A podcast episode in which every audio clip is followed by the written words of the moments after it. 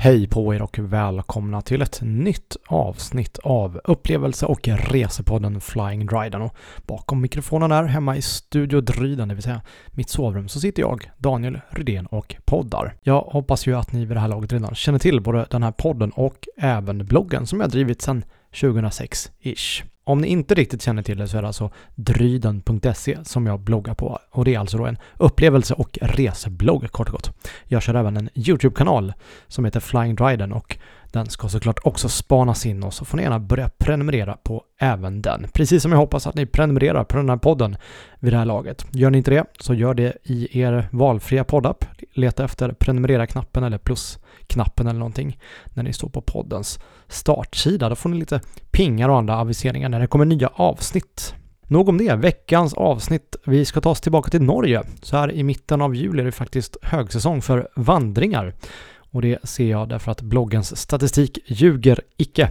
Och allra helst toppbestigningen av Norges och norra Europas högsta berg, Galdhöpiggen. Jag har ju redan pratat om Galdhöpiggen och, eh, i avsnitt eh, nummer 5 och då gav jag mina 12-ish bästa tips inför vandringen och den här toppbestigningen. I det här avsnittet tänker jag dock gå igenom och besvara några av de eh, kommentarer och frågor som kommit in i, i kommentarsfältet just i själva inlägget. Så se det här lite som en bestiga Galdhöpiggen FAQ, kort och gott.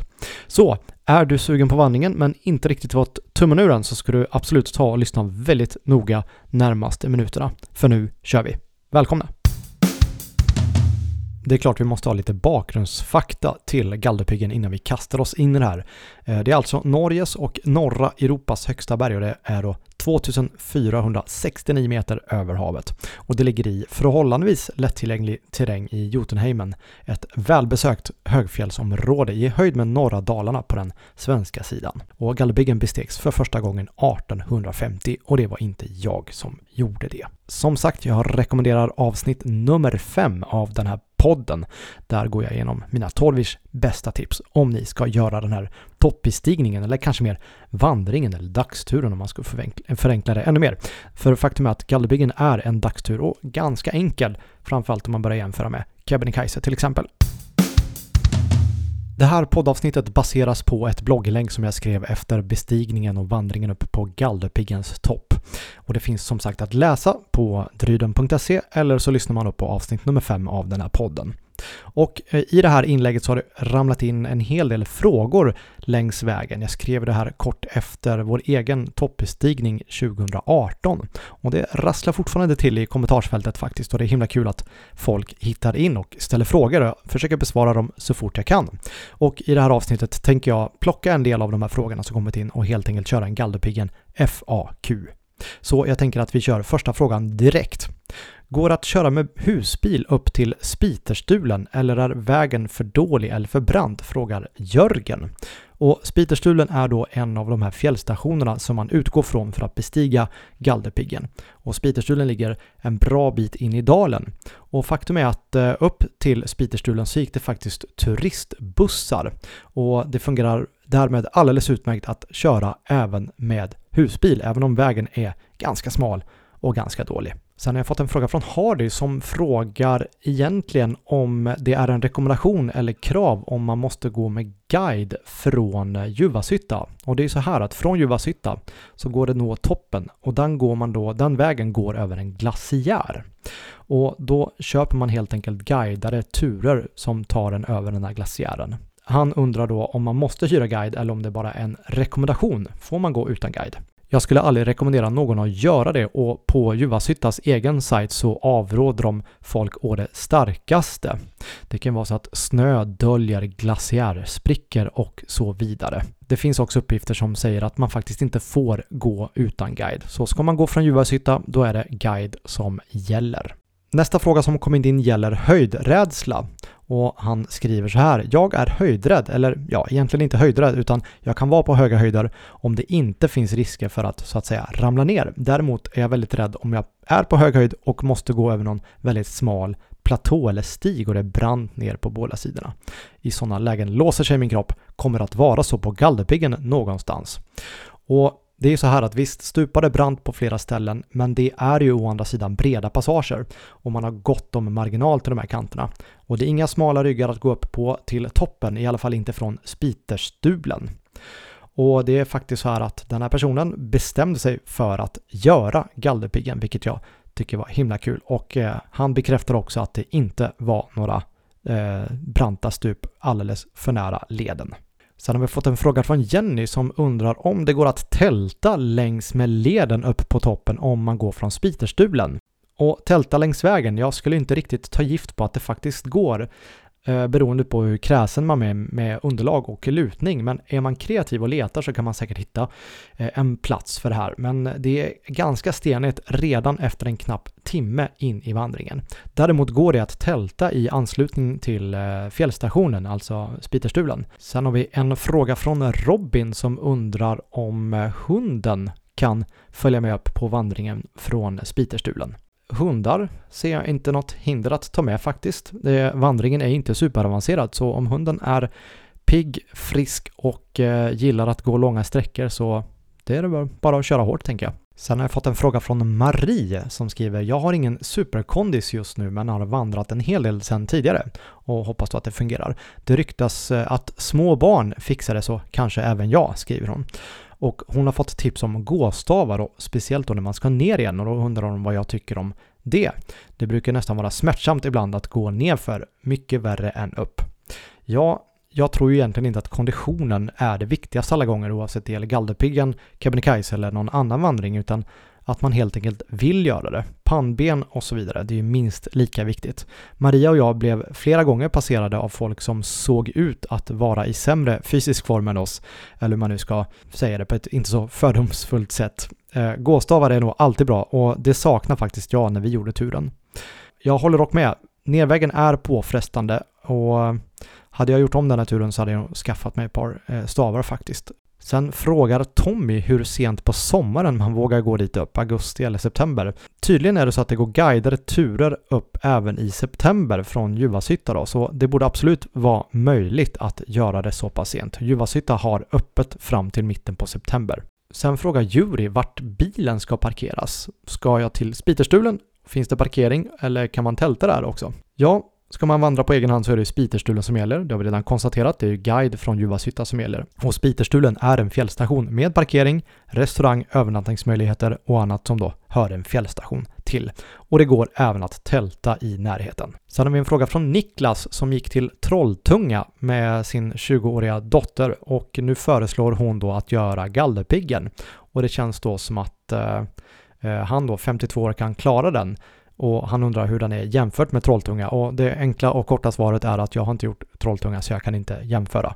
Galderbyggen är ju som en ja, vanlig dagstur eh, och det är ganska mycket höjdmeter men det är ingen superavancerad vandring som kräver någon specialfysik. Mer än som sagt lite pannben och veta att man ska vara ute i åtta timmar ungefär. Sen har vi Tommy som undrar om det funkar att gå till toppen av Galdhöpiggen i slutet av juli, till exempel vecka 30.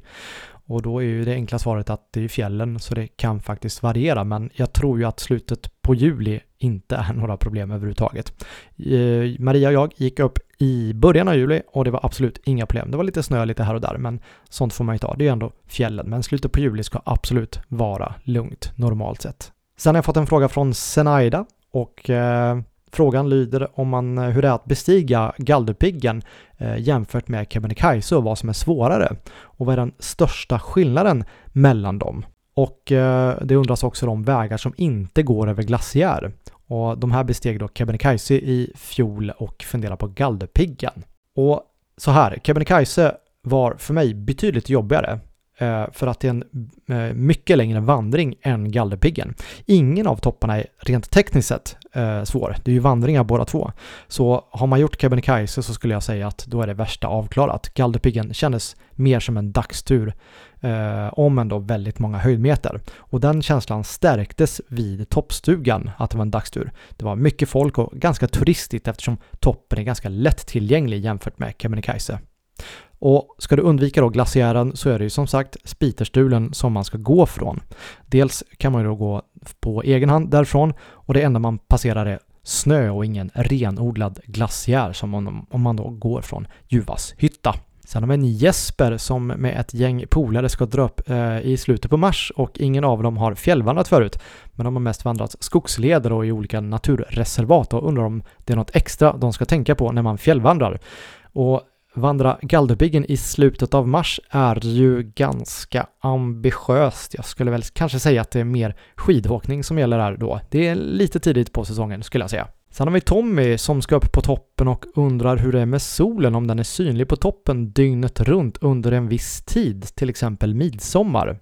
Och nej, man ska inte räkna med midnattssol på Galdhöpiggen ens på midsommar, för vi är alldeles för långt söderut för det. Sen har jag fått en fråga från Juri, det måste vara samma Juri, och eh, då är frågan då, vilka skor är att rekommendera? Eh, för det är ju en massa eh, stenar med hal och isig terräng och eh, Lite som vanligt då när man kommer till fjällterräng så rekommenderar i alla fall jag ett par ordentliga vandringskängor. Och då som man har gått in innan såklart. Eh, med andra ord, lämna sneakers och eh, lågskor och sådana där grejer hemma. Eh, fixa ett par riktiga kängor och gå in dem innan. Det är min starkaste rekommendation. Och sista frågan just för nu är från Jonny som skriver att han och eh, hans barn ska köra Gallerpiggen nu om några veckor faktiskt och undrar lite hur tillgången eh, till vatten är. De gjorde keb förra året och det blev väldigt jobbigt där för att rinnande vatten försvann efter Kaffedalen och då var det ju ganska mycket ansträngning kvar. De klarade såklart till slut. Grattis till det såklart. Eh, och nu har då dottern glömt hur jobbigt det var förra året så nu ska de göra Gallerpiggen. Och då är frågan då, vad ska man tänka på med vatten och kost och energi och så vidare? Ja, mitt minne är ju alltid ganska skralt med vattenkällor längs vägen från Spiterstulen. Det är i alla fall inga större vattenfall till exempel. Det som Gallerpiggen dock har då, som Keb inte har, är ju dels toppstugan där man kan köpa fika och även att man normalt sett gör den här vandringen betydligt snabbare än Keb. Det underlättar ju. Men det är ju ändå ansträngande, så jag skulle rekommendera att ha ordentligt med väska med sig såklart. Och har man då en möjlighet eh, till ryggsäck med eh, camelback, det vill säga man har ett vätskesystem i eh, väskan, så är det såklart den bästa lösningen. Eh, fyll på det med 2,5 liter eller vad man nu kan tänkas behöva och det kanske räcker till två personer också. Eh, vi körde också en termos med hett vatten som vi kokade pasta i halvvägs och det var väldigt fin lunchvid där faktiskt uppe på berget. Så eh, mat ska man såklart ha med sig, ha med lite nötter, ha med lite snacks, ha med lite energibars kanske. Det lättar alltid upp stämningen och, och kaffet såklart, det måste ni såklart komma ihåg. Sådär, det var en hel del av de frågor som har kommit in på det här inlägget och det är som sagt det rasslar ju till. Har ni några egna funderingar så dra in på bloggen dryden.se och leta upp Galdhöpiggen-inlägget. Ni hittar det under vandringskategorin. Där kan ni ställa fler frågor. Jag svarar så fort jag kan och jag hoppas då att ni har snappat upp en och annan tanke oavsett om ni ska göra berget i sommar eller om det ligger på en bucketlist för en liten längre framtid. Så en sista grej bara. Jag tycker såklart att ni ska börja prenumerera på den här podden och även aktivera aviseringar. Självklart är det helt gratis och så får ni en liten ping varje gång det kommer nya avsnitt. Och vad gör ni då detta? Jo, i valfri poddapp. Så lyssna igen nu och ni inte prenumererar så leta efter prenumerera-knappen eller plustecknet eller vad det nu kan vara.